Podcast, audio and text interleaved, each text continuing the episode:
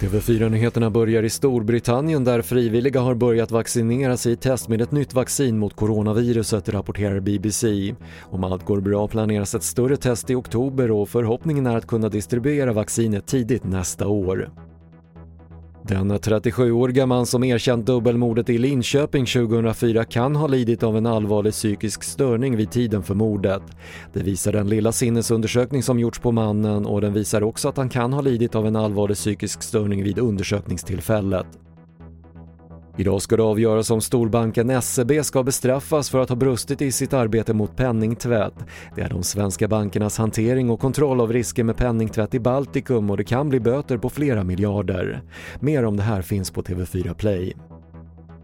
Och värmeböljan gör att det kan bli algblomning tidigare än vanligt. Toppen ligger oftast i juli men på grund av värmen kan blomningen dra igång om en vecka enligt SMHI.